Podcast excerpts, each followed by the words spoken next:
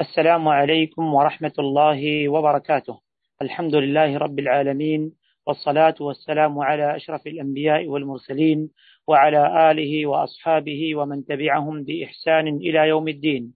أما بعد فحياكم الله حضورنا, حضورنا الكريم في لقاء جديد من برنامجكم الاجتماعي والأسري ملتقى الأسرة تحت إشراف إدارة الثقافة بجمعية دار البر. وكما نعلم فإن الأبناء أمانة تحتاج إلى الرعاية الدائمة وإلى التربية والتعليم القائمين على أسس صحيحة ومن الأمور التي تحتاج إلى حرص شديد واهتمام بالغ من كل مربي هي البحث عن أفضل الطرق لتعزيز محبة الأبناء لحفظ القرآن الكريم. ومن هنا نستكمل معكم لقاءاتنا. واليوم لقاء جديد تحت عنوان كيف نحبب أبناءنا في حفظ القرآن الكريم؟ محاضرة يلقيها فضيلة شيخنا الشيخ خالد إسماعيل حفظه الله ورعاه وأود التنبيه على بعض الأمور. أولا سيتم فتح المجال لاستقبال الأسئلة في نهاية اللقاء إما كتابية عن طريق Q&A أو صوتية عن طريق إشارة رفع اليد. ثم يسمح للمشارك بسؤال الشيخ بطريقة مختصرة جدا حتى تكون هناك فرصة لأكبر عدد من الأسئلة. ثانيا التأكد من استمارة تأكيد الحضور التأكد من تعبئة تعبئة استمارة تأكيد الحضور. الاسم والبريد الإلكتروني الصحيح والتي سيتم إرسالها لكم عبر صندوق الدردشة وذلك لاستلام شهادة الحضور عبر البريد الإلكتروني المسجل في الاستمارة. وهذه الشهادة فقط لمن حضر البث عبر تطبيق زوم. نسأل الله لكم النفع والفائدة. والآن نبدأ بإذن الله تعالى محاضرتنا مع فضيلة شيخنا الشيخ خالد إسماعيل حفظه الله ورعاه. فمرحبا به. حياكم الله فضيلة الشيخ. فلتتفضل مشكورا مأجورا.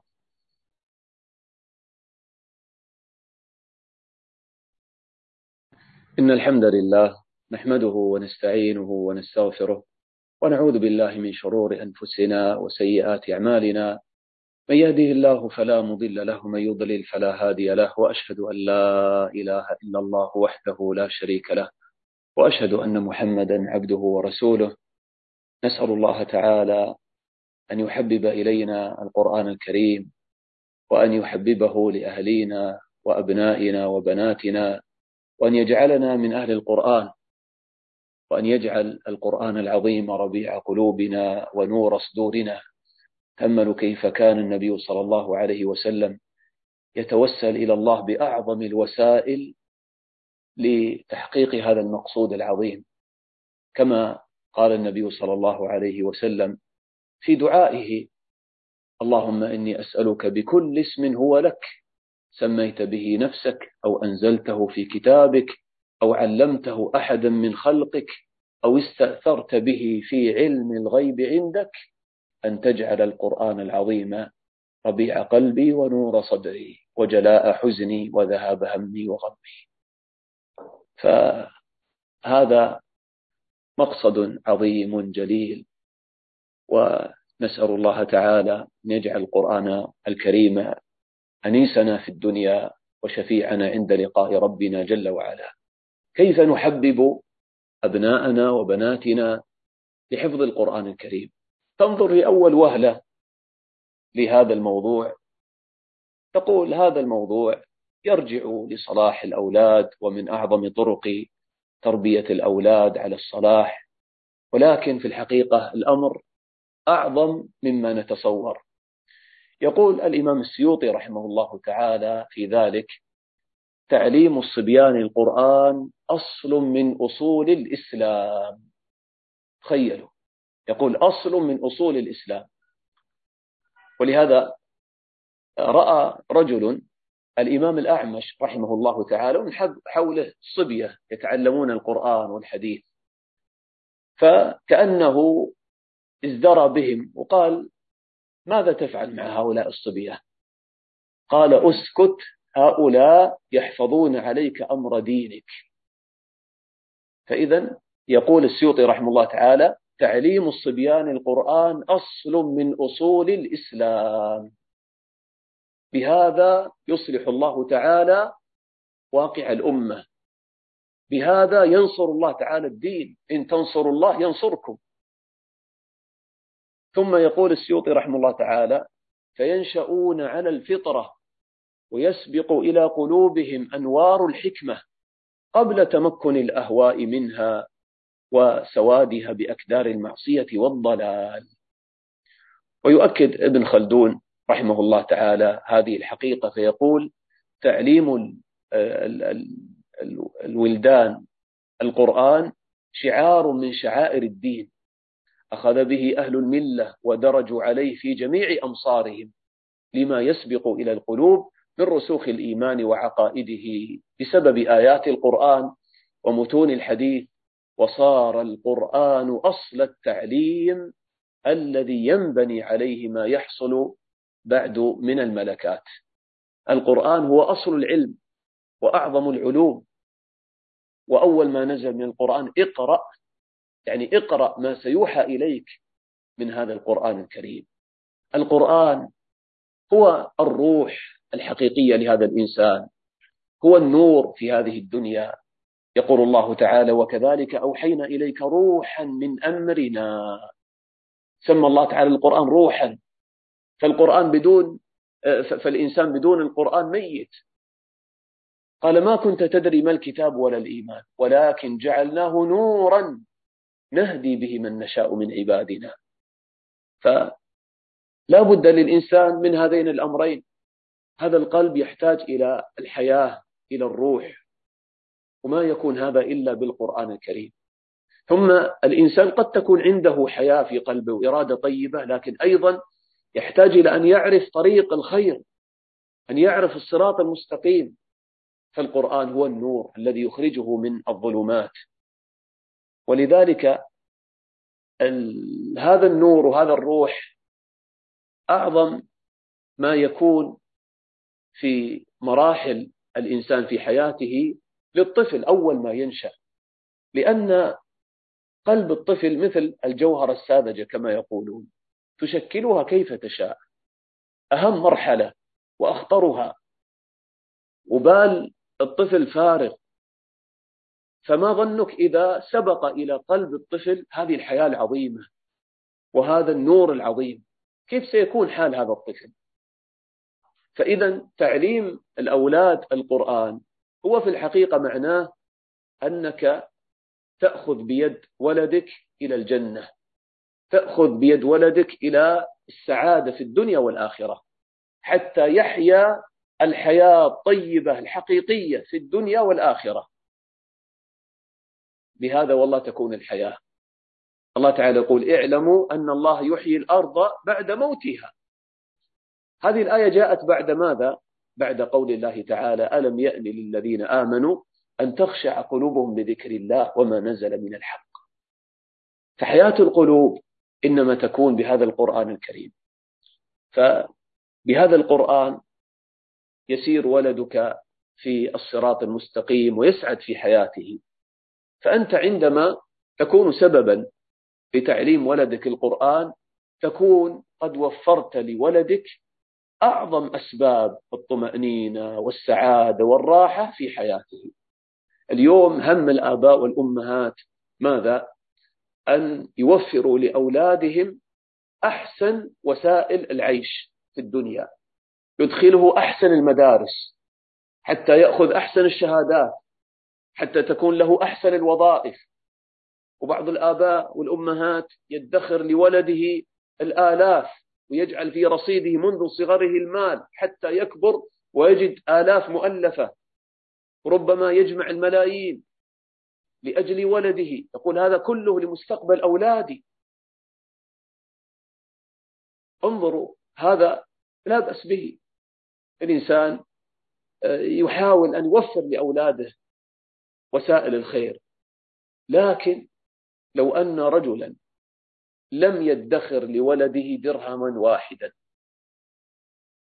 وإنما كان سببا في حفظ هذا الولد القرآن الكريم فقط.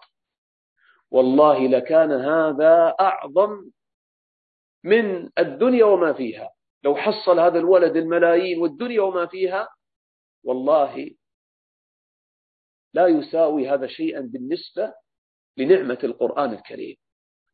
الله تعالى يقول لنبي صلى الله عليه وسلم ولقد آتيناك سبعا من المثاني والقرآن العظيم لا تمدن عينيك إلى ما متعنا به أزواجا منهم. لا تنظر إلى هذه الدنيا وعندك هذه النعمة العظيمة القرآن العظيم جل وعلا كلام الله جل وعلا. ولذلك انظر إلى هذه البشريات العظيمة لحافظ القرآن وصاحب القرآن. يعني انظر إلى ولدك بدل أن يحصل الدنيا والمال. انظر ماذا سيحصل إذا حفظ القرآن. ولقد آتيناك سبعا من المثاني والقرآن العظيم.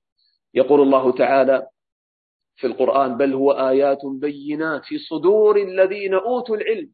أنت تؤهل ولدك لأن يكون من الذين أوتوا العلم.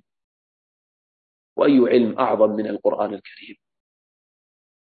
والنبي صلى الله عليه وسلم آه، يقول خيركم من تعلم القرآن وعلمه خيرية مطلقة. ويقول من قرأ حرفا من كتاب الله فله حسنة والحسنة بعشر أمثالها. لا أقول ألف لام ميم حرف ولكن ألف حرف لام حرف ميم حرف. يعني كم سيفوز ولدك بالحسنات وهو صغير؟ نحن نعرف أن الصغير إذا فعل أو عمل صالحا يكتب له آه، في ميزان حسناته العمل الصالح. تكتب له الحسنات لكن لا تكتب له السيئات. طيب أنت ستكون سببا في تحصيل الحسنات العظيمة والدرجات العالية لولدك وهو صغير. كم سيقرأ من حروف القرآن وهو يكرر الآيات ويراجع القرآن؟ ويقول النبي صلى الله عليه وسلم يؤم القوم أقرأهم لكتاب الله. كن ولدك هو المقدم. ويقول النبي صلى الله عليه وسلم إن الله يرفع بهذا الكتاب أقوام ويضع به آخرين. وجاء في الحديث إن لله أهلين من أهل الأرض. قال وأهل الله هم أهل القرآن وخاصته من خلقه. أهل القرآن هم أهل الله وخاصته من خلقه. انظر إلى هذا الشرف العالي. وجاء في الحديث وإن كان في سند شيء من الضعف لكن هو مما يستأنس به في فضائل الأعمال. قال النبي صلى الله عليه وسلم إن الرجل الذي ليس في جوفه شيء من القرآن كالبيت الخرب. هذه الحقيقة. يعني انظر هذا الولد الذي حصل الملايين وعنده سيارة عنده الدنيا. ولدك ما عنده هذه الأمور في الدنيا لكن هو حافظ القرآن. انظر الفرق بين البيت الخرب المهجور الذي ما اكتمل بناؤه مثلا وبين البيت الجميل آه، يعني المزين. وجاء في الحديث وصحح الترمذي وقفه على أبي هريرة وهذا لا يقال بالرأي فهو مأخوذ من كلام النبي صلى الله عليه وسلم. قال يجيء القرآن يوم القيامة. فيقول يا رب حله يعني يقول لصاحب القرآن وحافظ القرآن يا رب حله قال فيلبس تاج الكرامة. ثم يقول يا رب زده. فيلبس حلة الكرامة. ثم يقول يا رب أرضي يا رب ارضى عنه. فيرضى الله تعالى عنه. فيقال له اقرأ وارقى ويزاد بكل آية حسنة. وكما قال النبي صلى الله عليه وسلم يقال لصاحب القرآن صاحب القرآن يعني الملازم للقرآن تلاوة وحفظا وتدبرا وعملا. يقال لصاحب القرآن اقرأ وارتقي ورتل كما كنت ترتل في الدنيا فإن منزلك عند آخر آت تقرأها. هذه كلها بشريات لولدك إذا حفظ القرآن. وبشريات لك أيضا لأنه جاء في الحديث عن النبي صلى الله عليه وسلم أنه قال من قرأ القرآن وتعلمه وعمل به ألبس يوم القيامة تاجا من نور. ضوءه مثل ضوء الشمس. ويكسى والده أو يكسى والديه حلتان. لا تقوم لهما الدنيا. انظر إلى هذه الهدية العظيمة. يكسى الوالدين حلتان. لا تقوم لهما الدنيا. فيقولان بما كسينا؟ فيقال بأخذ ولدكما القرآن. هذا أعظم خير تقدمه لنفسك إذا كنت سببا في حفظ ولدك القرآن. ويقول النبي صلى الله عليه وسلم إذا مات ابن آدم انقطع عمله إلا من ثلاث صدقة جارية أو علم ينتفع به ولد صالح يدعو له. وصاحب القرآن لا بد أن يتذكر والديه أكثر مما يتذكره آه، الولد الغافل. ثم أيضا هذا علم ينتفع به لأنه في الغالب سيعلم وسينفع الله تعالى به. ربنا هب لنا من أزواجنا وذرياتنا قرة أعين واجعلنا للمتقين إماما. والله ما أجمل أن ترى ولدك آه، ابنك ابنتك يتنافسون في حفظ القرآن الكريم. تدخل البيت عندما تجلس مع أولادك. عن ماذا تتحدثون؟ بماذا تتكلم مع أولادك؟ اسأل نفسك. تكلم عن المباريات تكلم عن الدنيا عن السيارات عن الألعاب عن والإنسان يمل من هذا والله تضيق النفوس بهذا. لكن ما أجمل أن تجلس مع أولادك كل يوم تسألهم اليوم كم حفظت من القرآن؟ ماذا سمعت عند الشيخ؟ ماذا حفظت يا فلانة؟ آه لماذا ما تراجعين هذه السورة؟ أسمعيني شيئا مما حفظته اليوم. وهكذا يكون الحديث عن القرآن كل عن القرآن. والله هذا أحسن ما يكون في الدنيا. والله تقر عينك بأولادك. فإذا هذا أعظم ما تقدمه لولدك. بل كما عرفنا هذا في الحقيقة أصل من أصول الإسلام لأن هذا في الحقيقة به صلاح المجتمعات. الأولاد إذا حفظوا القرآن استقاموا على طاعة الله تعالى بإذن الله ينصلح هذا البيت تنصلح الأسرة والمجتمع عبارة عن أسر. ولذلك الفضيل بن عياض يقول حامل القرآن حامل راية الإسلام. فهو مصلح في الأرض. تخيل أنه في الغالب مثلا في المجتمع ينشأ الأولاد على حفظ القرآن الكريم. تخيل هذه الصورة للمجتمع المسلم كما كانت موجودة عند سلفنا رحمهم الله. إذا أردت أن تتخيل كيف كانت حلقات القرآن في زمان السلف انظر إلى حلقة الضحاك بن مزاحم رحمه الله من التابعين. كان الضحاك بن مزاحم رحمه الله يشرف على طلابه. عددهم يبلغ ثلاثة آلاف صبي يحفظون القرآن وكان يطوف عليهم بحماره وكان لا يأخذ على عمله أجرا. هذه حلقة واحدة من حلقات التحفيظ ثلاثة آلاف حافظ فيها. انظر هؤلاء غدا يتخرجون علماء ودعاء كيف ينفع الله بهم الأمة. نعم. هكذا كان الصحابة رضي الله عنهم. فهذا به صلاح المجتمع صلاح الأمة. ولهذا تخيل هؤلاء الحفظة. نعم الله تعالى يفاوت بين القدرات والمواهب والرغبات لكن يتخرجون. هذا يصبح آه، تاجرا. تخيل تاجر حافظ القرآن سيكون أمينا. مستحيل أن يبيع في المجتمع شيئا محرما من دخان أو خمر أو غير ذلك. آه، مستحيل أن يغش الناس في تجارته. سيكون التعامل التعامل الحسن المبني على السماحة.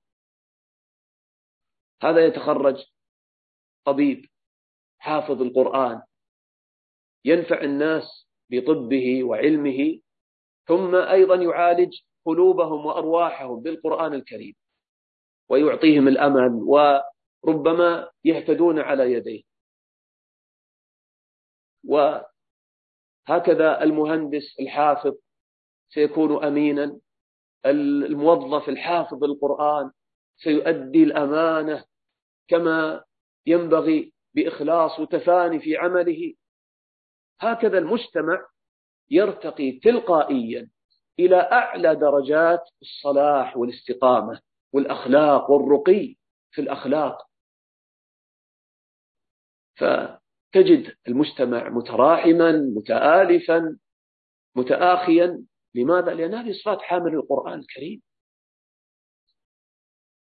ولذلك حقا يعني القرآن تعليمه أصل من أصول الإسلام. ينبغي أن يكون هذا أول ما يعلم للصبيان والله يا ليت الذين يقومون على التعليم في بلادنا وبلاد المسلمين أجمعين يدركون هذه الحقائق العظيمة. أتمنى أن تكون رياض الأطفال كلها تعليم القرآن وتلقين القرآن. والله حتى لو ما كانت هناك أي علوم أخرى. كان السلف رحمهم الله تعالى كما سأتي معنا أول ما يبدأ الطفل يبدأ بتعلم القرآن الكريم فقط. حتى ما يكون مع القرآن علم آخر. ما يفتح عينيه إلا على القرآن الكريم. كلام الله. انظر إلى حكمة الله تعالى. جعل السور الأخيرة في القرآن صغيرة قصيرة. يقرأها الطفل ويحفظها سورة بعد سورة من رحمة الله ولطفه. بالصغار. وهكذا ينشأ على حفظ القرآن وحب القرآن الكريم. فما ظنك بولد يعني في رياض الأطفال. سنتين يسمع القرآن كل يوم. ممكن يحفظ له خمسة أجزاء على الأقل أو جزئين ثلاثة أجزاء.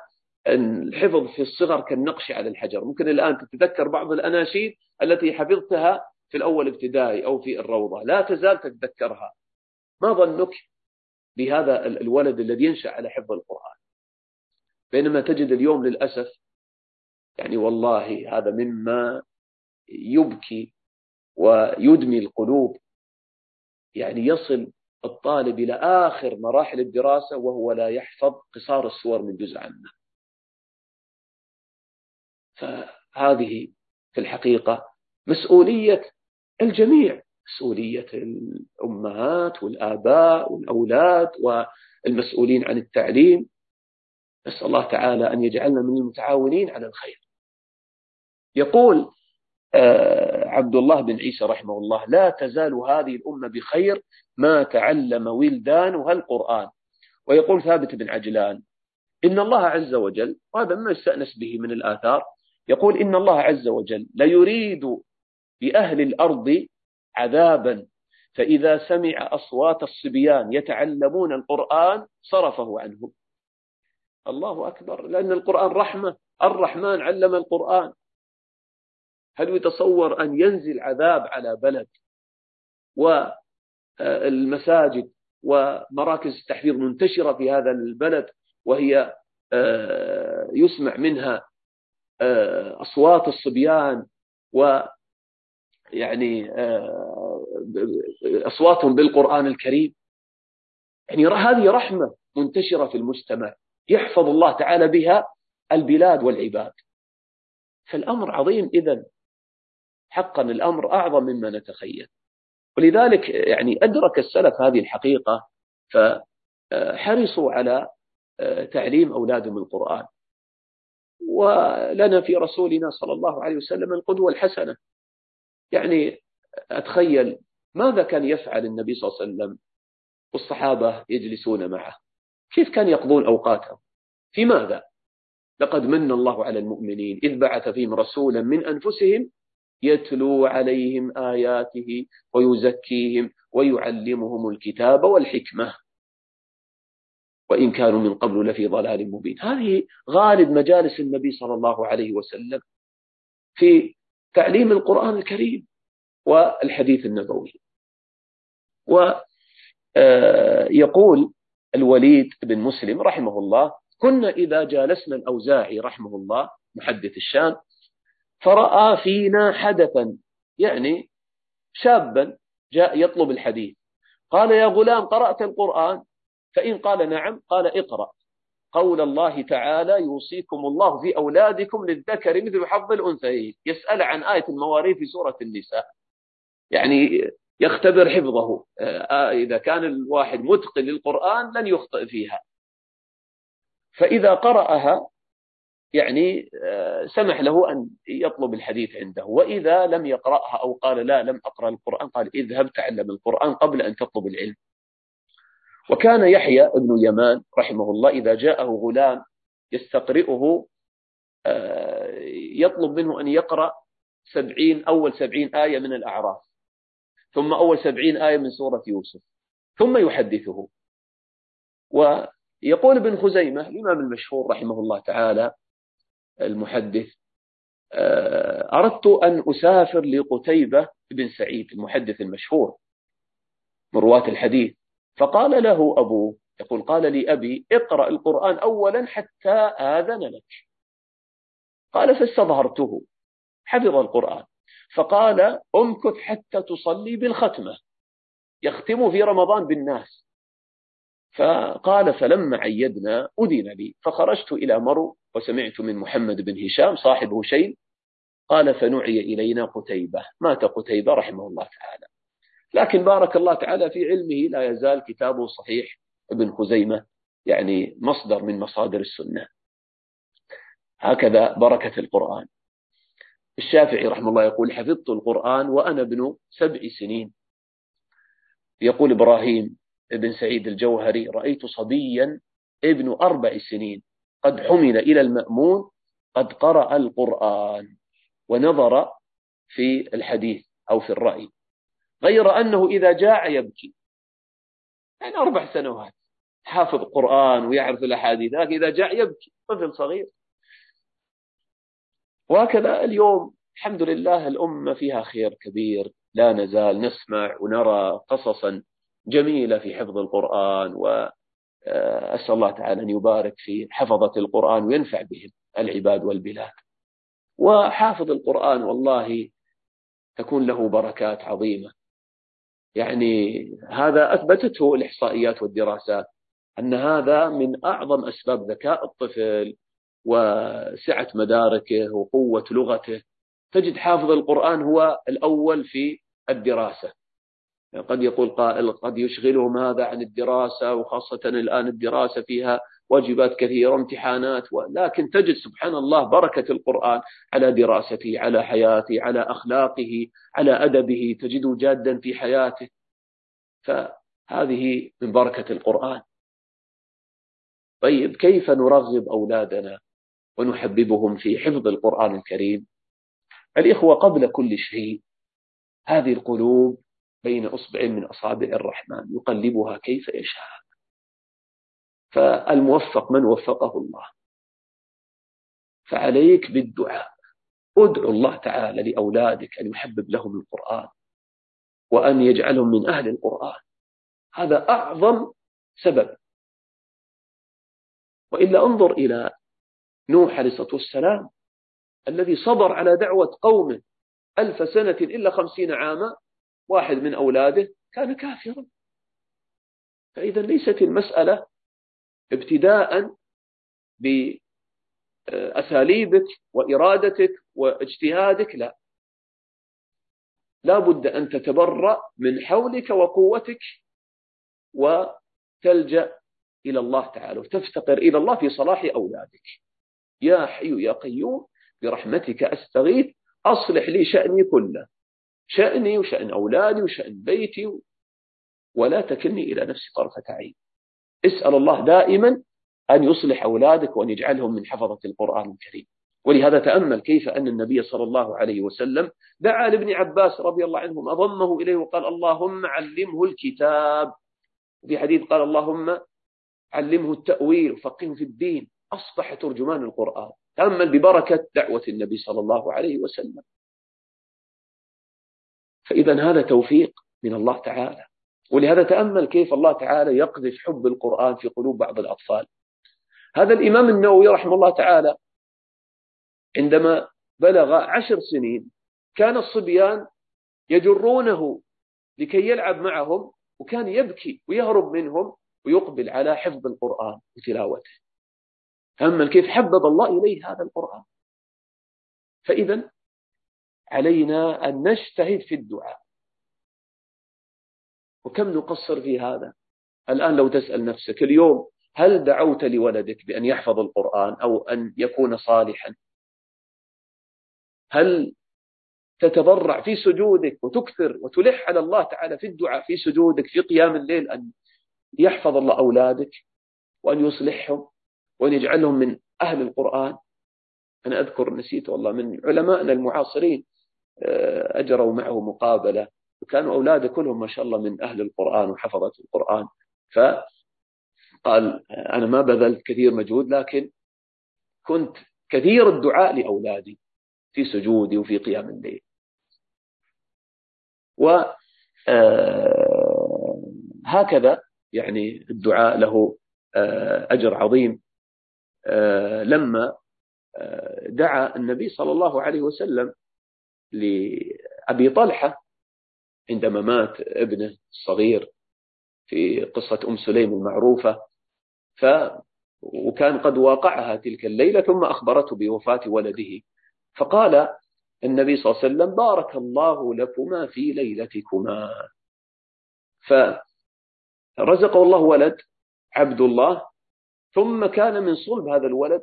الآن حضرتني القصة أنا نسيت. تقريبا عشرة أو تسعة من الأولاد كلهم من حفظة القرآن الكريم ومن أهل العلم. منهم راوي مشهور من رواة الحديث أظن إسحاق بن عبد الله بن أبي طلحة. فإذا هذه بركة الدعاء. ثم بعد ذلك الإخوة الأخوات إذا أردنا أن نحبب أولادنا للقرآن كيف نريد من أولادنا أن يحبوا القرآن؟ إذا لم نكن نحن نحب القرآن وننشغل بالقرآن فاقد الشيء لا يعطيه. وأعظم وسائل التربية القدوة الحسنة تقول أنا أحب القرآن؟ أي أب وأي أم تسأله يقول لك نعم أنا أحب القرآن وأحب لولدي أن يحب القرآن. أقول طيب ما عليه؟ أنت تقول أنا أحب القرآن. لا شك كل مسلم يحب القرآن لكن ما درجة محبتك للقرآن؟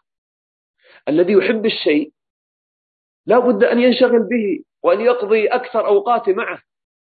أنت الآن إذا أحببت شخصا تحب أن تجلس معه طويلا وإذا قام من المجلس تقول يا فلان لا يزال الليل طويلا نحن مستأنسين بك اجلس حتى نتكلم ونستأنس بالحديث. وربما تجلس مع صاحبك الذي تحبه ساعات طويلة. لكن هل تجلس مع القرآن مثل هذه الساعات؟ كم تجلس مع القرآن؟ كم تقرأ القرآن؟ إذا كنت أنت ما تختم القرآن ولا تبالي بقراءة القرآن في بيتك مع زوجتك أو الزوجة مع زوجها وتمر الشهور والسنوات ما تختم القرآن إلا في رمضان. كيف بعد ذلك تريد من ولدك أن ينشغل بالقرآن وأن يحب القرآن؟ وأنت يعني لا تقبل على القرآن. ولدك ممكن ما يراك أبدا قرأت القرآن. تخيل ولد ما يرى والده أبدا فتح المصحف في البيت. بنت ما رأت أمها في يوم من الأيام تقرأ من المصحف في البيت. كيف ستحب هذه البنت القرآن؟ وكيف سينغرس في قلبها حب القرآن؟ إلا أن يشاء الله. إذا علينا أن نكون قدوة صالحين لأولادنا في هذا. يعني تخيل ولد يعني يرى والديه ما شاء الله يقرأان القرآن معا وهذا يعرض القرآن على على زوجته وهي تعرض القرآن على زوجها. لا ينشغلان لا بتلفاز ولا بسفاسف آه، الأفلام والمسلسلات ولا بهذه الأجهزة بالآيباد أو بأن يقلب الهاتف وينظر إلى المقاطع و... و... أبدا هذه ما يعرفون في حياته. ما يعرف إذا دخل بيته إلا القرآن الكريم يفتح القرآن ويتكلم عن القرآن ويقص عليهم قصص القرآن ويسمعون آيات القرآن وهكذا. بهذا من الطبيعي. تخيل ولد عمره سنتين ثلاث ويرى ولده ويرى والديه كل يوم مع القرآن الكريم. كيف سيكون حاله مع القرآن إذا كبر؟ فمن هنا يبدأ الأمر. فإذا علينا أن نكون قدوة صالحين. آه الإمام أحمد رحمه الله تعالى يذكرون في سيرته أنه لقن ابنته القرآن كاملا. انظر إلى القدوة الصالحة. من العلماء الذين لهم ارتباط كبير بالقرآن. الشيخ عبد الله الغذيان رحمه الله تعالى كان من آه، هيئة كبار العلماء بالمملكة السعودية. آه، كان يذكر ولده آه، يقول عندما كنا نسافر مع الوالد يسافروا من الرياض إلى الطائف مثلا. يقول والد أول ما ركب السيارة يقول ما حد يكلمني. ويقول يقرأ القرآن من أول البقرة من أول المصحف. يقول يختم القرآن ختمة كاملة إذا وصلنا الطائف في سبع أو ثمان ساعات يختم القرآن ختمة كاملة ولا يسقط منه كلمة. ويقولون نحن نسمع قراءته ونستمتع بقراءته الهذبة السريعة لكن سبحان الله يعني يعرض القرآن عرضا كاملا وهكذا ابنته يعني كتبت مقالا عن والدها في هذا في ارتباطه بالقرآن. حتى لما كان في الغيبوبة كان يسمع منه أنه يقرأ القرآن رحمه الله تعالى. فانظر الآن يعني آه، يخرجون مع آه، أبيهم في السيارة وإذا به يقرأ القرآن. ربما يكون هذا أنفع من أن يكلمهم كلاما مباشرا أو يمزح معهم. ما أقول دائما هكذا لكن ليكن حالك هكذا مع أولادك أن تريهم أنك أنت مقبل على القرآن ومحب للقرآن الكريم. آه، وأيضا الإخوة يعني لا بد أن ننتبه إلى أن آه، غرس القيم في نفوس الأولاد أي قيمة تريد, تريد أن تغرسها أي آه، يعني مبدأ تريد أن يعني تربي ولدك عليه يقول بعض علماء التربية في الحقيقة التربية 70% أو 80% تقوم على الحب. 20% تكون باقي الأمور. لكن أنت إذا كسبت ولدك بالفعل ولدك يحبك يحب أمه يحب أباه لأنك تلاطفه تلاعبه. إذا دخلت عليه تعطي مرة حلاوة مرة لعبة مرة هدية آه، تحمله على ظهرك وهكذا تلاعبه تمازحه. يصبح الولد معلق بأمه وأبيه. من السهل بعد ذلك إذا قلت تعال يا ولدي نقرأ أن يسمع لك. بخلاف الأب البعيد أو الجافي أو الأم التي لا تعرف بناتها وبناتها مع الخادمة وهكذا. ف كيف سيتعلقون بها؟ إذا أمرتم بشيء وربما ينفرون منه بعيد عن الألعاب ما يستجيب لوالديه.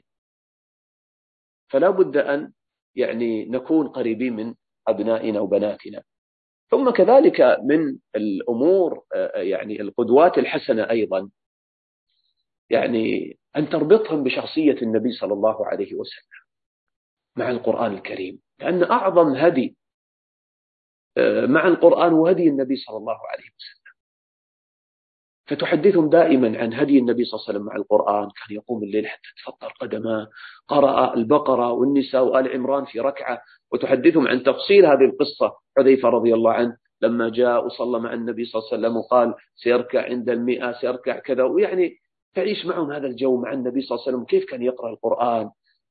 مثلا قصة ابن عباس. انظر ابن عباس رضي الله عنه طفل صغير.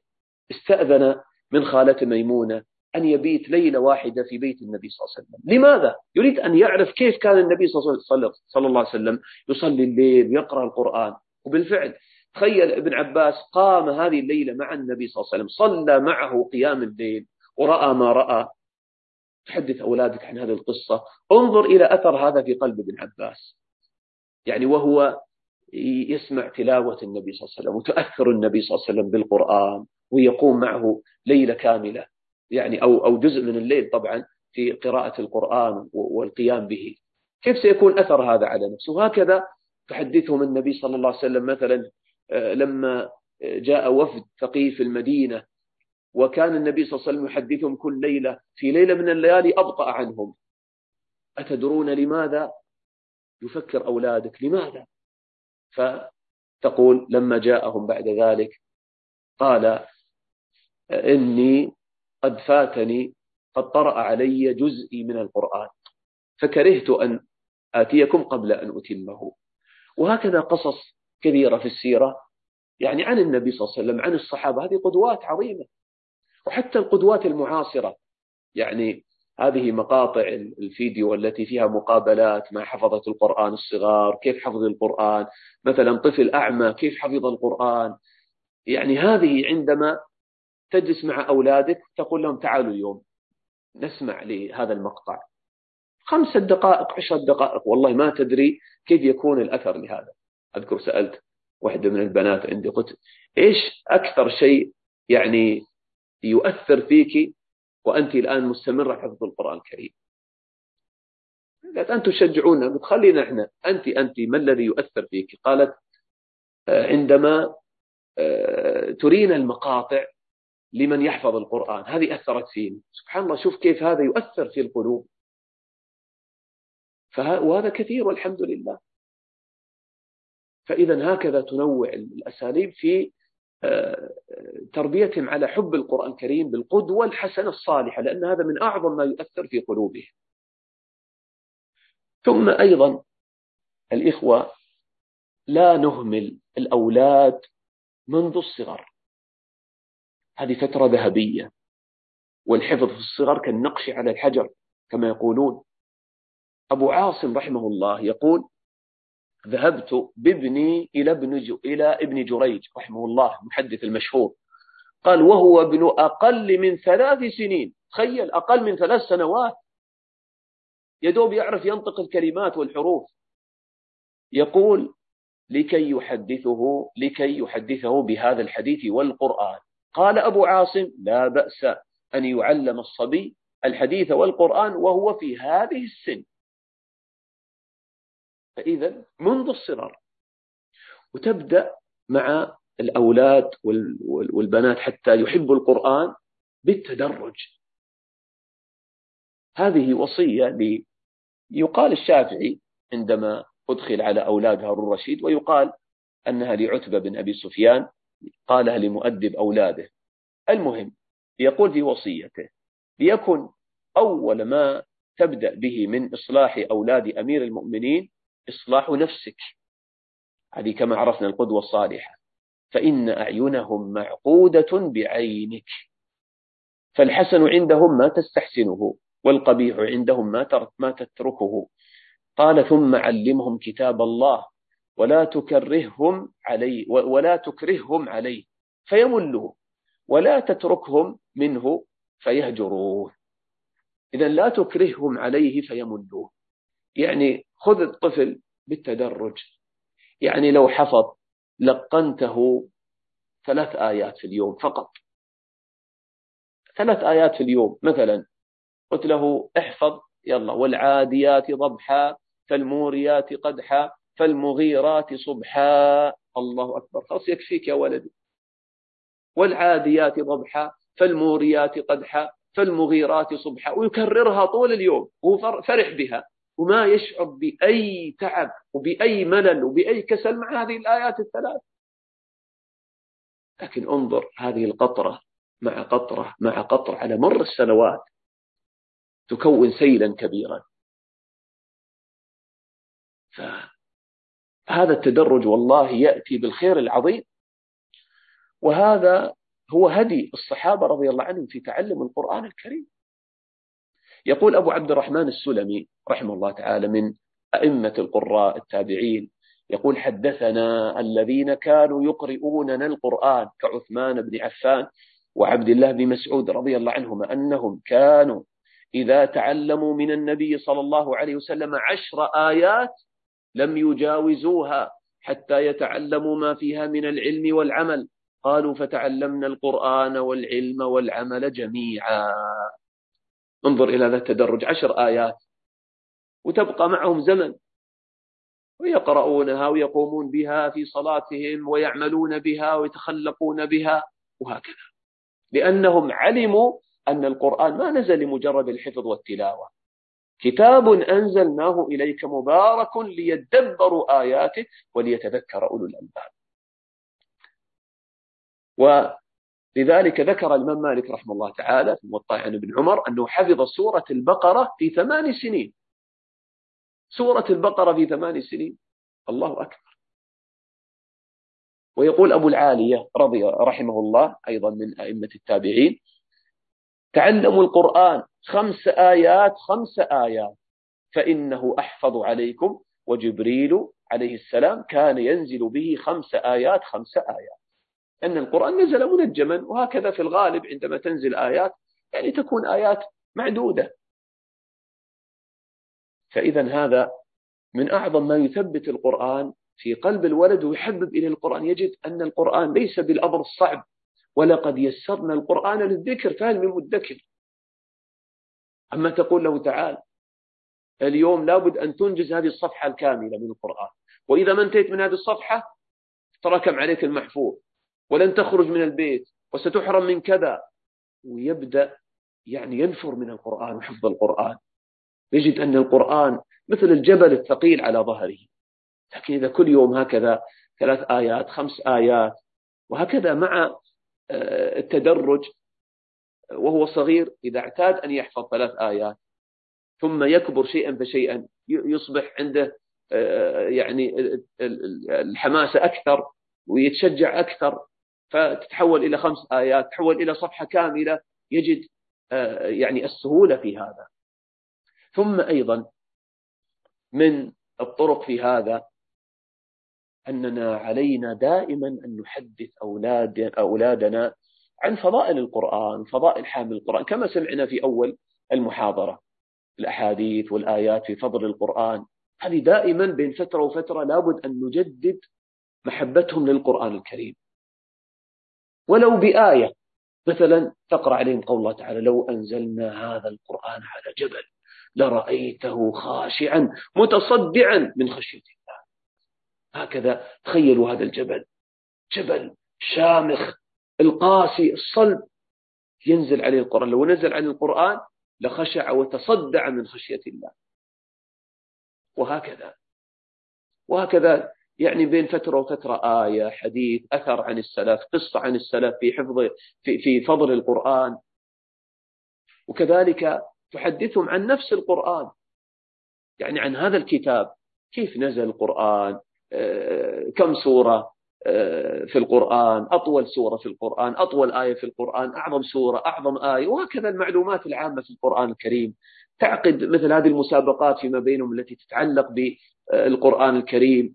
آه، تحدثهم أيضا عن قصص القرآن.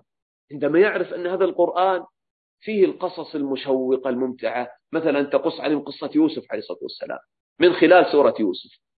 تقص عليهم قصة مثلا موسى والخضر عليهم الصلاة والسلام. قصة البقرة. وتذكر معها عبرة. انظر كيف سيؤثر هذا في نفوسهم سيحبون القرآن. لأن آه، نفوس الأطفال عموما والأولاد عموما يعني تحب القصص. بل هذا يعني من طبع الإنسان عموما يحب القصص. فإذا سمع القرآن وقصص القرآن يتمتع بالقرآن. وهكذا يعني تقرأ عليهم القرآن. ف وتشعرهم بالحب العظيم الذي في قلبك الذي تشعر به. مثلا تقرأ آية أو سورة وهكذا تقول والله ما أحلى هذا الكلام. فقط هكذا شعور صادق من قلبك لا تدري كيف سيؤثر في أنفسهم. يعني دائما اجعل حياتك مع القرآن الكريم. أشعرهم بالبركة التي يحصلونها في حياتهم إذا ارتبطوا بالقرآن. أذكر أيضا يعني سألت بنت من البنات إيش اللي رغبت في حفظ القرآن؟ سكتت ثم قالت يعني اليوم الذي أقرأ فيه القرآن يكون غير هكذا تكون يعني مختلف عن سائر الأيام. أشعر يعني فيه بأن يعني بطمأنينة براحة ببركة في الحياة. حقا هذا هذا بركة هذا القرآن رحمة. كذلك من الطرق المهمة في تحبيب الأولاد القرآن أن نفسر لهم الآيات التي يحفظونها. وما أقول أنت ما تعرف التفسير ولا بد أن تتعلم التفسير. لا المقصود أن تبين لهم الكلمات الغريبة والمعنى العام للسورة. فيكفي هذا. يعني مثلا الآن يقرأ الولد وهو صغير من شر الوسواس الخناس. الآن لو تسأل بعض الكبار ما معنى الخناس؟ قلت ما أدري ما معنى الخناس. الشيطان يقول لك الخناس هو الشيطان. طيب ما معنى الخناس؟ يصفه للشيطان ما معنى خنس والخناس؟ طيب كيف تريد منه أن يتأثر بالقرآن ويحب القرآن وهو يقرأ كلاما يعني لا يفهمه ولا يعرف معانيه؟ صحيح الحمد لله أكثر معاني القرآن واضحة لكن أنا أقصد أن هذا يزيد حبا للقرآن الكريم عندما يتمتع أن هذه كلمة غريبة نعرف معناها ويعرف العبرة فيها. يعني مثلا الآن لما تقول له الخناس الشيطان يخنس يعني يهرب ويتصاغر ويغيب عنك. إذا ذكرت الله أولا هذه تربية عظيمة على ذكر الله. سيقوم في قلبه أني يعني منزلة الذكر وعظيم أثر الذكر في حفظ الإنسان. وهو طفل صغير. والله لا تحتقر الأطفال. يعني عندهم يعني حافظة وتبقى المعلومات في قلوبهم. حتى تفسير آيات القرآن. فاحرص على هذا. مصعب بن سعد بن أبي وقاص آه، رضي الله عنهما رضي الله عنه وعن أبيه. وهو ليس من الصحابة لكن أبوه صحابي سعد بن أبي وقاص كان يقرأ القرآن على والده. فاستوقفته آية. انظر كيف الطفل يفكر في معاني القرآن. قرأ سورة الماعون على والده. فقال عندما قرأ الله تعالى فويل للمصلين الذين هم عن صلاتهم ساهون قال يا أبت أينا لا يسهو في صلاته؟ خاف الولد. قال أينا لا يسهو في صلاته؟ فقال له والده قال ليس ذاك وإنما هو تضييع الصلاة عن وقتها. يعني بين له أن الآية ليس المراد منها السهو في الصلاة. ما قال الله تعالى الذين هم في صلاتهم قال الذين هم عن صلاتهم ساهون لا يبالون بها ويتركونها ويضيعون وقتها أو أركانها. فالآن أنت من خلال هذه الآية هكذا تغرس في ولدك الحفاظ على الصلاة والاهتمام بها وانظر كيف الله يتوعد الذين لا يبالون بالصلاة. مثلا تخيل كل يوم يسمع منك ولو عبرة واحدة من خلال آيات القرآن. كم سيكون في قلبه من الخير والنور ومن العلم والمعرفة بكلمات القرآن و... ولو أن تجعل عندك مصحف ميسر آه، تفسير ميسر أو للكلمات الغريبة إذا أشكلت عليك. وهكذا. وتأمل إلى آه، أثر القرآن وفهم القرآن على يعني الصغار. يقول عبد الوهاب الشعراني قال عندما كنت صغيرا ففكرت يوما في الله عز وجل. لبس عليه الشيطان. قال فقسته على ما أتعقله. هكذا يصور له الشيطان أن الله بصورة كذا وكذا. قال ثم صرفته بقول الله تعالى ليس كمثله شيء وهو السميع البصير. الله أكبر. فهكذا يعني تستطيع أن تغرس العقيدة الصحيحة في قلب ولدك من خلال القرآن تعظيم الله والشوق للقاء الله ويبقى وجه ربك ذو الجلال والإكرام. تذكر له دعاء النبي صلى الله عليه وسلم أسألك لذة النظر إلى وجهك والشوق إلى لقائك. وهكذا انظر إلى دقائق الفهم. المأمون وهو صغير كان يقرأ على الكسائي. رحمه الله تعالى وكان من عادة شيخه الكسائي أنه إذا أخطأ يعني الكسائي وهو الشيخ الجليل المقرئ هكذا كان يطرق برأسه والمأمون يقرأ وهو طفل صغير. فإذا أخطأ يرفع رأسه وينظر إليه فقط. فيعرف أنه أخطأ فيعني آه، يرجع إلى الآية ويصححها. إذا يعني علم آه، الخطأ. ففي يوم من الأيام قرأ المأمون سورة الصف يا الذين آمنوا لما تقولون ما لا تفعلون؟ فبدون شعور الكسائي رفع رأسه ونظر إليه. فالمأمون هذا الطفل قبل أن يصبح خليفة آه، بدأ يفكر فيها يعني كررها عليه فأطرق رأسه وأكمل قراءة يعني ما أخطأ فيها. فذهب إلى والده. قال له هل وعدت الكسائي بشيء؟ قال كيف عرفت؟ فأخبره بالخبر. شوف كيف الذكاء. يعني وما أخطأت في الآية. فقام في قلبه أن كأن والده قال له شيئا ولم يفعله. لما تقولون ما لا تفعلون؟ انظر كيف القرآن يفتح الفهم في قلوب الأولاد. وهكذا يعني عندما يعني تشعرهم بحلاوة القرآن وأن القرآن في الحقيقة يعني مناجاة لله. يعني عندما تقول لولدك أنت إذا قمت تصلي بالقرآن وقرأت الفاتحة الحمد لله رب العالمين الله يقول لك حمدني عبدي. الرحمن الرحيم يقول لك الله أثنى علي عبدي. يعني الله يحبك إذا قرأت كلاما وهكذا. ثم أيضا علينا الإخوة الأخوات أن ننوع الأساليب مع الصغار مع الأولاد عموما في يعني القرآن الكريم. آه، يعني من أهم الأساليب للصغار وحتى للكبار أن يسمعوا القرآن الكريم. السماع له أثر كبير في سهولة حفظ القرآن وتثبيته في قلب الولد.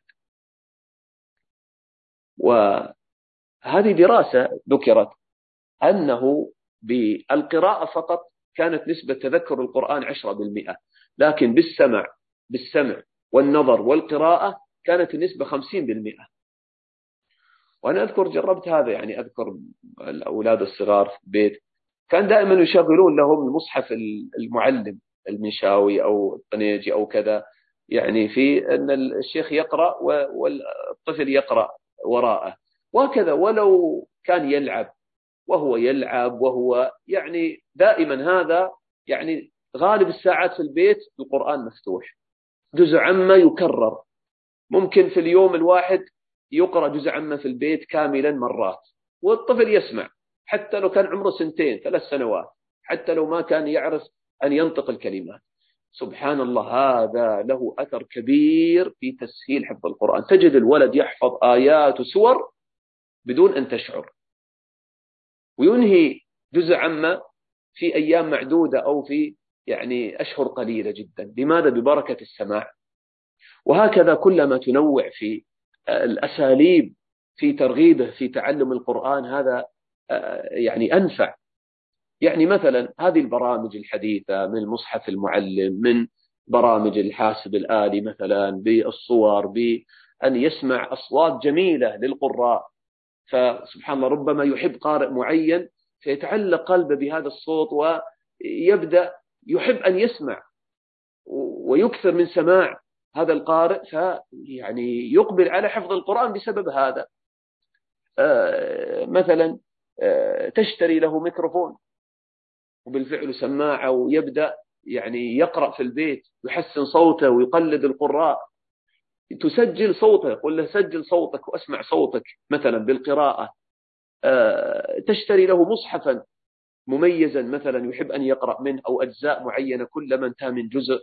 هكذا يتشجع أني أنهي هذا الجزء ثم أنهي الجزء الذي بعده. وهكذا. فيعني هذا التنوع في الأساليب. فأيضا هذا مرة تأمر بنسخ المحفوظ الذي يحفظه مثلا. وهذه طريقة إخواننا الموريتانيين من أنفع الطرق في تثبيت القرآن. يحفظون القرآن باللوح. وهكذا أقصد تنويع الطرق فهذا يحببه في القرآن الكريم. ما يمل. ثم كذلك أيضا تحببه في القرآن أيضا عن طريق المكافأة. وهذا بإذن الله لا يخدش في الإخلاص. لأن الطفل الصغير ربما ما تقوم في قلبه هذه المعاني العظيمة. لذلك الله ما كلفه إلا إذا وصل سن البلوغ لأنه قد لا يدرك هذه المعاني إدراكا تاما وإن كان عنده يعني حب الإخلاص لله وكذا لكن أن تقول له كلما حفظت مثلا سورة من القرآن أعطيك كذا. إذا آه، يعني آه، تجعل له مكافأة مكافآت مثلا مفاجأة له أو أحيانا تكون دورية. كلما انتهيت من جزء تكون لك مكافأة. أو تصنع له حفلة في البيت يعني وتدعو أهله وأولاد عمه أولاد عمته أولاد خاله أولاد خالته ويجتمعون في حفلة كبيرة. للأسف الآن الحفلات تكون لمناسبات مأخوذة من الكفار من أعياد الميلاد وغيرها. لا تكون المناسبات عندك في البيت بختم جزء من القرآن. حفلة جزء عمة حفلة جزء تبارك حفلة جزء قسم وهكذا. وتشتري له الهدايا والكيك وهكذا. فيفرح ويتشجع لحفظ القرآن الكريم. وأيضا آه، يعني آه، كتب عمر إلى بعض عماله أعطي الناس على تعلم القرآن. فكتب إليه عامله قال تعلم القرآن من ليس له رغبة إلا الجعل فكتب إليه عمر أن أعطي الناس على المروءة ومصاحبتهم للقرآن. يكفي أنه يصاحب القرآن. أعطه. يقول إبراهيم بن أدهم قال لي أبي يا بني أطلب الحديث فكلما سمعت حديثا وحفظته فلك درهم. كل حديث بدرهم. قال فطلبت الحديث على هذا حتى أصبح من أئمة المسلمين. وأيضا هذا آه، يعني أبو حنيفة رحمه الله حين آه، حذق ولده حماد ابن أبي حنيفة سورة الفاتحة أعطى أبو حنيفة شيخه المعلم خمسمائة درهم وكان الكيس من الطعام يشترى بدرهم. تخيل يعني هذا مبلغ كبير. فاستكثره المعلم. يعني قال أنا ما فعلت شيء أنا ما علمت إلا سورة الفاتحة. فقال له أبو حنيفة لا تستحقر ما علمت ولدي. ولو كان معنا أكثر من ذلك لدفعناه إليك تعظيما للقرآن. لا تحتقر أو لا تستصغر يعني هذا الأمر أبدا. يعني هذا من تعظيم القرآن. يعني في النهاية هذا المال أنت الذي تستفيد منه. والله بل ما يساوي شيئا بالنسبة لهذه الفائدة العظيمة. يعني مثلا آه، حتى لو رغبت بمثل مبالغ عالية قلت له الجزء بألف درهم. ما علي الله أعطاك خير. إن شاء الله تقول له الجزء بخمسة آلاف درهم. والله ليس في هذا ضياع لمالك إذا كان عندك خير. وكل بحسبه. فالمهم أن يتشجع. فأنت تأخذ بيده. ثم بعد ذلك كما قال بعض السلف طلبنا العلم لغير الله. فأبى الله إلا أن يكون له بعد أن يحفظ آيات ويستمر في الحفظ بعد ذلك. سيدرك أن هذه الدنيا لا تساوي شيئا هذه الأموال لا تساوي شيئا وسيخلص لله بإذن الله. هذا القائد المجاهد صلاح الدين الأيوبي رحمه الله وهو يتجول في معسكره إذا به يرى والد مع ولده يقرئه القرآن. تخيل شوف كيف كانوا في الماضي حتى في وقت الجهاد في سبيل الله. بهذا انتصروا. فكان يعلم ولده القرآن فأعجبه ذلك واستحسن قراءة الولد. فجعل له حظا يعني من طعامه الخاص ووقف عليه وعلى أبيه من مزرعته. فهذا كله من باب الترغيب في حفظ القرآن ومدارسته. كذلك من أعظم الوسائل لأن نحبب أولادنا لحفظ القرآن الكريم أن يلتحقوا بحلقات تحفيظ القرآن. وهذا الإخوة والأخوات والله من أعظم الأسباب لحفظ القرآن الكريم. وهذه سنة حفظ القرآن. كما يقولون كثرة المساس تميت الإحساس. يعني أحيانا الولد يعني ما يتشجع كثيرا أن يحفظ مع أمه وأبيه. خلاص أصبح يعني متعود على يعني يعني تصرفات البيت و ف لكن يعني ما يأخذ الأمر ربما بجدية. لكن إذا التحق بحلقة تحفيظ ورأى شيخا أمامه يتأدب معه يستحي منه. ويرى الطلاب وتشتعل روح المنافسة بينهم فهذا لا شك يشجعه. وهذه الحلقات في الحقيقة يعني من أعظم آه، البركات في حياة الولد. يعني أنت عندما تضع ولدك في حلقة تحفيظ كأنك تضعه في روضة من رياض الجنة النبي صلى الله عليه وسلم يقول في مثل هذه المجالس وما اجتمع قوم في بيت من بيوت الله يتلون كتاب الله ويتدارسونه بينهم إلا نزلت عليهم السكينة وغشيتهم الرحمة وحفتهم الملائكة وذكرهم الله في من عنده. أي خير بعد ذلك يكون لولدك في هذه الحلقات. وأيضا هذه الحلقات تحفظه من رفقاء السوء لأن في الغالب سيكون فيها أولاد صالحين يحفظون القرآن وأيضا تصرفه عن أماكن اللهو والأماكن المحرمة وأن يتجول في الشوارع والطرقات وسيقضي وقتا كبيرا يعني من يومه في حفظ القرآن في المسجد. فهذا فيه خير عظيم. وحتى الآن أصبحت الحلقات عن بعد. فأيضا هذا فيه خير أنه يجد من يلزمه بأن يراجع وأن يحفظ. وهذا من طبع الإنسان. الإنسان إذا ألزم بشيء وكلف به يتشجع له أكثر من من أن يترك الأمر هكذا بلا يعني سؤال. ويعني كما عرفنا السلف رحمهم الله تعالى كانوا يعني يهتمون بحلقات القرآن. يعني انظر إلى حلقة أبي الدرداء رضي الله عنه بدمشق. حلقته فيها 1600 من الطلاب تقريبا. وكان يقسمهم عشرة عشرة. على كل عشرة متقن فيعرضون عليه. فمن أحكم القراءة وأتقن الحفظ والعرض ثم بعد ذلك يؤهل لأن يقرأ على أبي الدرداء وهكذا. وكان آه، ابن عامر القارئ المشهور. قراءة ابن عامر هو المقدم فيهم. وهذا ابن الأخرم أيضا توفي سنة 41 آه، و300 من الهجرة مقرئ دمشق. حلقته عظيمة. تبدأ الحلقة بعد الفجر وتستمر إلى صلاة الظهر. ويقول محمد بن علي السلمي قمت ليلة لأخذ نوبتي. من الليل يذهبون ويأخذ مكانه في الصف حتى يعرض القرآن على ابن الأخرم يقول قمت ليلة لآخذ نوبتي قال فوجدت ثلاثين قد سبقوني. قالوا ما جاءت نوبتي إلا بعد العصر. انظر كيف اهتمامهم بالقرآن الكريم. كذلك علينا أيها الإخوة مع آه، ترغيبهم في القرآن وحفظ القرآن أن نغرس في قلوب أولادنا الإيمان. يعني ما تكتفي بمجرد الحفظ المجرد وهذا الذي يحتاجه حقا طلاب القرآن اليوم. اليوم للأسف تجد بعض طلاب القرآن أصبح القرآن عندهم مجرد أني أعرض الآن على الشيخ خلاص إذا انتهت أيام القرآن تنتهي صلتي بالقرآن. إذا كانت هناك إجازة يعني يأخذ إجازة من القرآن ما يقرأ القرآن.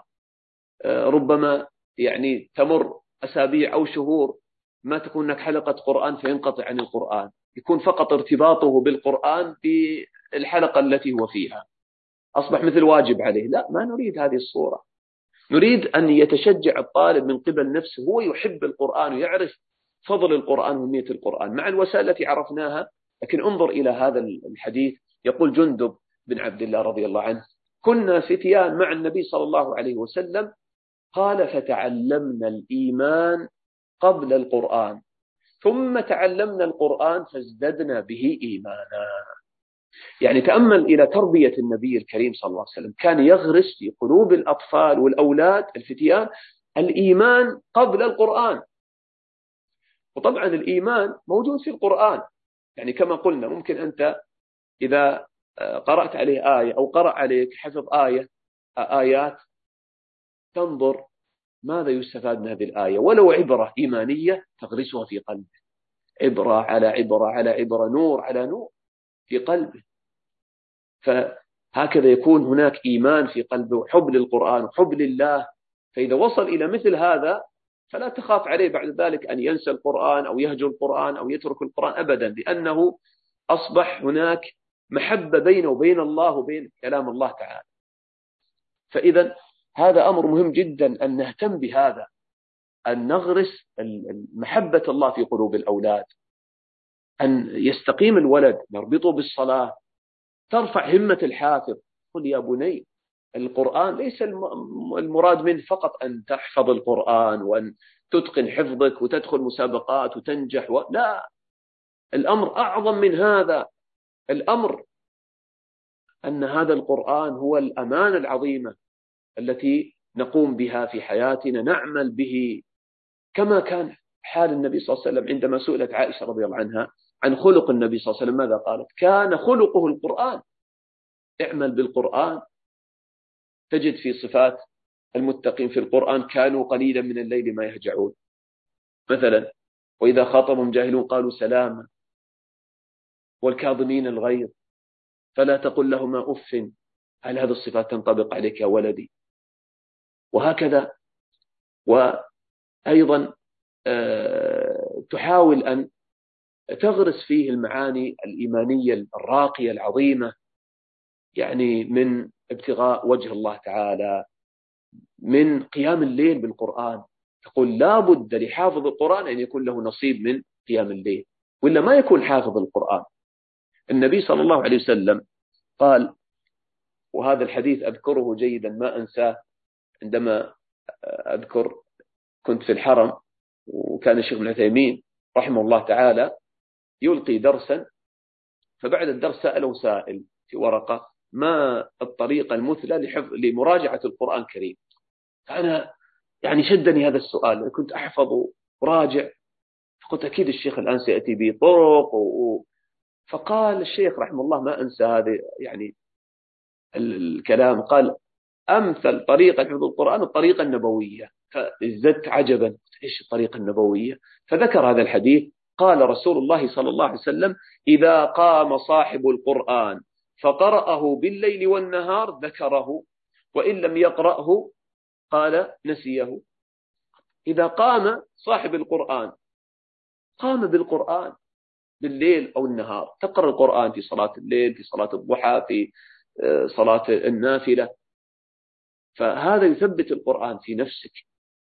هكذا تحبب إليه القيام بالقرآن. يا المزمل قم الليل إلا قليلا نصفه وانقص منه قليلا أو زد عليه ورتل القرآن ترتيلا. إنا سنلقي عليك قولا ثقيلا. وأيضا آه، يعني أنا أذكر مرة عندما كنت آه، يعني أشاهد مقطع لحافظ صغير من حفاظ القرآن يتكلم عن نفسه ومع مع الأولاد فكان يقول هذا الولد أمي توقظني قبل الفجر لكي أحفظ القرآن. يعني في وقت السحر. انظر إلى الاهتمام. وهذا وقت مبارك ينزل ربنا إلى السماء الدنيا حين يقاتل في الليل الآخر فيقول هل من دع فاستجيب له. والسلف رحمه الله تعالى كانوا يذكرون أن هذا الوقت هو من أنسب الأوقات للحفظ. الذهن يكون صافي. فإذا عودت ولدك على هذا والمسألة والله سهلة تأتي بالتعود. أن يقوم قبل الفجر. اليوم آه، نشتكي من السهر. يقول لك وين الولد؟ يدوب ينام الساعة الحادية عشر ولا الثانية عشر. كيف تريد أن يقوم؟ أصلا لصلاة الفجر ممكن ينام عنها. كيف يكون هذا من حفظة القرآن الكريم؟ فلو تعود أولادك حتى منذ الصغر. إذا بدأ يعني يكبر ويصلي سبع سنوات ثمان سنوات عوده. يقوم لصلاة الفجر. ثم شوي شوي عوده أن يقوم قبل الفجر يصلي ولو ركعتين ثم يقوم ويقرأ القرآن.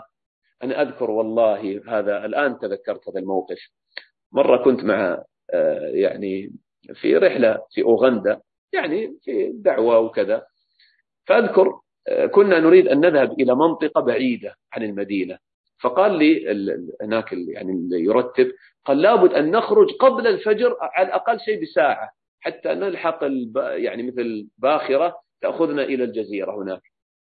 فالمهم ففي الطريق والله ما أنسى هذا الموقف نزلنا في الطريق قبل صلاة الفجر حتى يعني قبل صلاة الفجر بدقائق بعشر دقائق كذا مسجد وبجانبه كانت مدرسة لتحفيظ القرآن. وإذا بالطلاب قد ملأوا الصفوف وما تسمع إلا يعني أصواتهم بالقرآن. هذا قبل أذان الفجر. وهم يترون القرآن. والله تعجب ذلك اليوم. قلت ما شاء الله. هل متى دوامهم؟ قال لا هذا دوامهم قبل الفجر.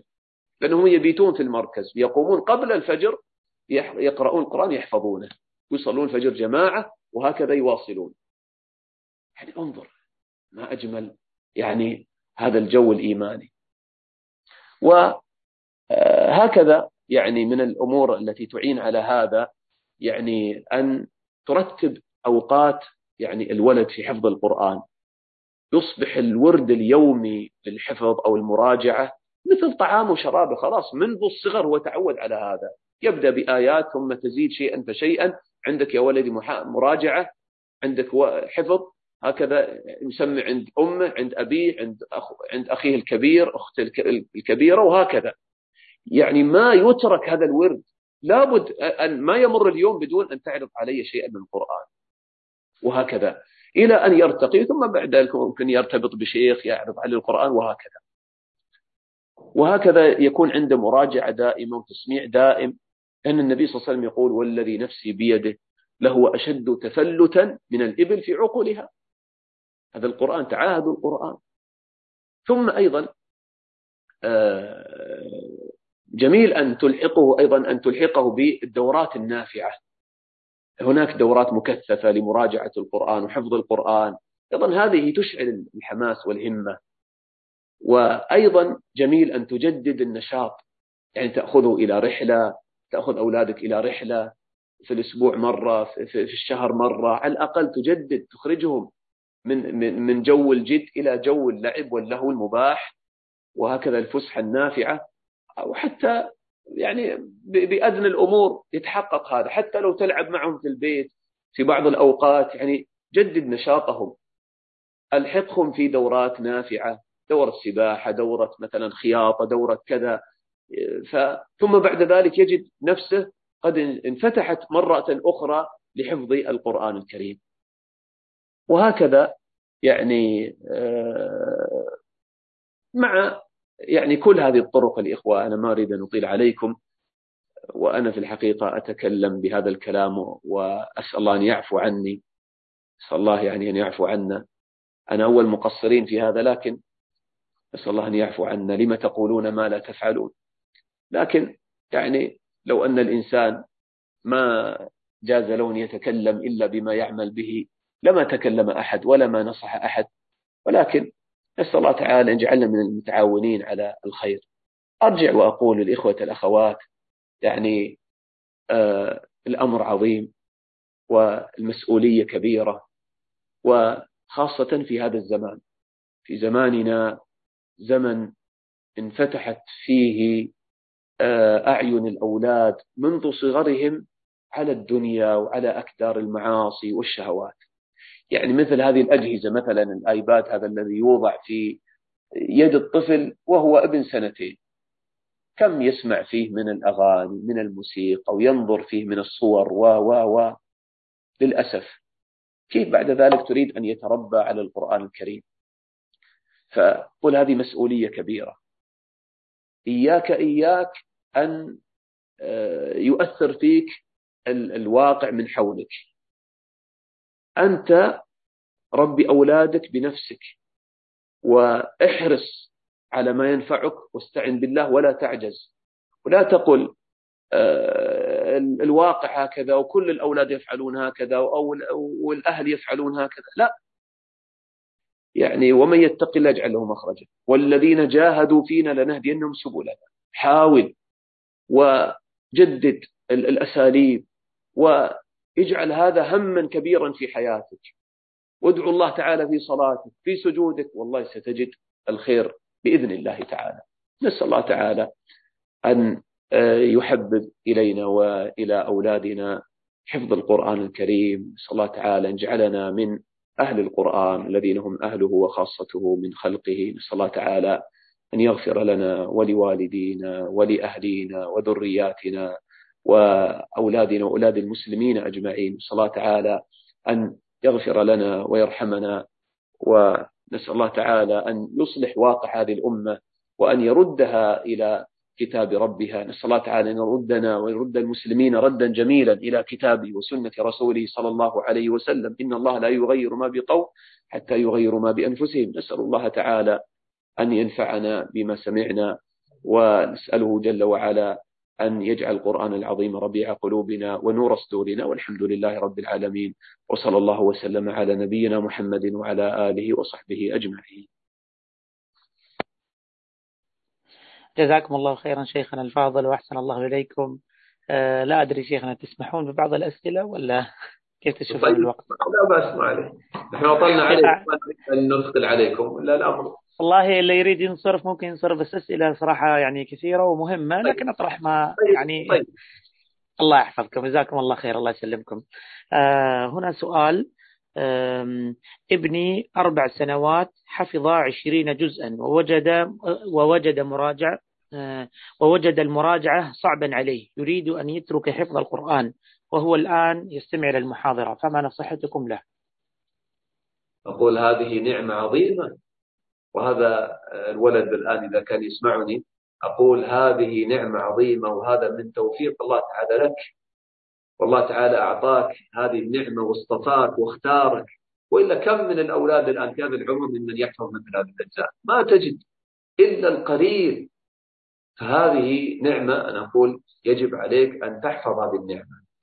ولا تتهاون ولا يعني تحزن أبدا. إذا وجدت الآن القرآن قد التبس عليك وصعبت عليك المراجعة ما عليه اترك الحفظ. لكن اهتم بالمراجعة. وكأنك تجدد الحفظ مرة أخرى.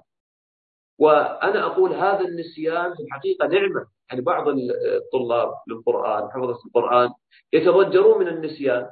وفي الحقيقة النسيان هو في حد ذاته نعمة. لأنك الآن تخيل لو أنك تحفظ الآية وما تنساها أبدا هل ستقرأها مرات ومرات؟ لا. أنا حافظها. ربما تتهاون أصلا في حفظها أو في في قراءتها مرات أخرى. وتتهاون في ختم القرآن ختمات كثيرة. لماذا تقول؟ خلاص أنا حافظ. أما هذا النسيان هو الذي يجعلك ترتبط بالقرآن أكثر وأكثر. وتراجع وتكرر تكرار كثير جدا.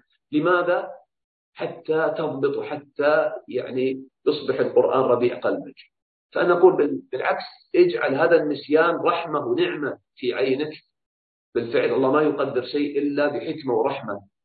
والله يريد لك الخير يريد لك أن تكرر القرآن مرة بعد مرة. هذا التكرار يدل على صدقك في محبة الله وفي محبة كلام الله. وأنك لن تتخلى عن هذا الكلام الجميل كلام الله كيف تتركه؟ وأنت عشت أوقات طويلة مع هذا الكلام. لا بأس حتى لو تقول الآن أنا أفتح بعض الصور كأني أول مرة أحفظها. لا بأس. يعني ما المانع؟ احفظها من جديد. ولا شك أن الحفظ هذا الثاني سيكون أسهل من الحفظ الأول. حتى لو بقيت سنة وسنتين في مراجعة 20 جزء. فإذا هذا بالعكس في خير عظيم. لا يكن همك أني أنا الآن لابد أختم وأسبق آه، الأطفال كلهم الأولاد كلهم وأكون المقدم عليهم. لا. أنت انظر إلى نفسك. أنت الآن إذا أتقنت هذه العشرين جزء حتى إن شاء الله في سنتين في ثلاث سنوات خذ وقتك. المهم الإتقان.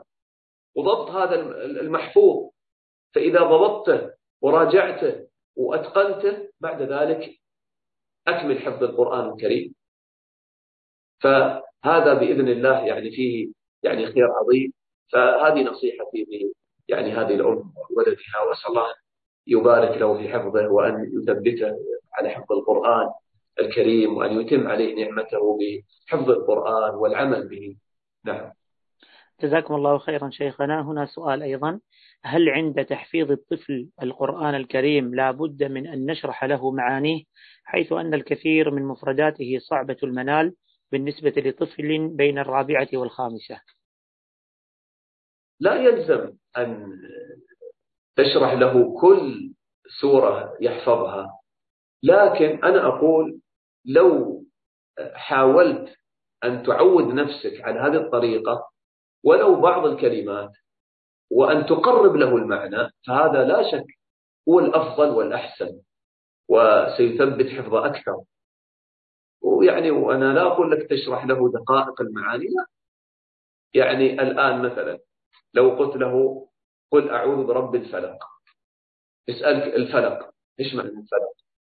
قلت له يعني هذه كلمة مثلا يعني وهذا طبعا يعني يفتقده ربما بعض الآباء والأمهات لكن من السهل تحصيله بقراءة هذه التفاسير الميسرة. الفلق مثلا رب الصبح مثلا كما جاء في التفسير لأن الله قال فالق الإصباح.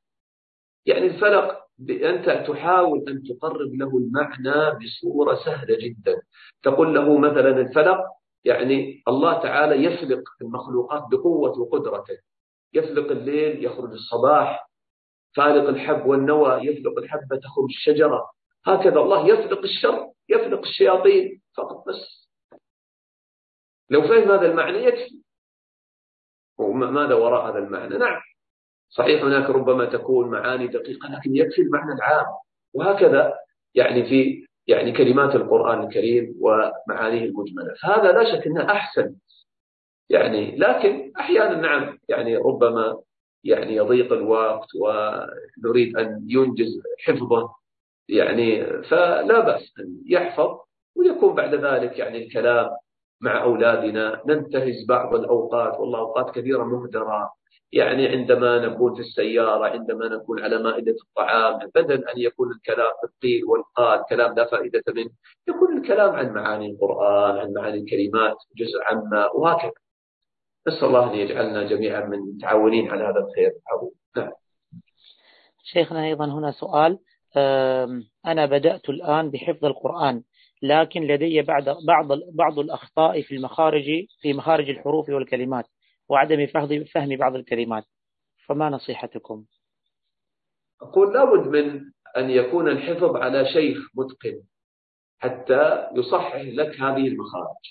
وكذلك البنت على شيخة يعني امرأة متقنة وهذا موجود الحمد لله. فالشيخ يتولى إصلاح هذه الأخطاء في نطق الحروف.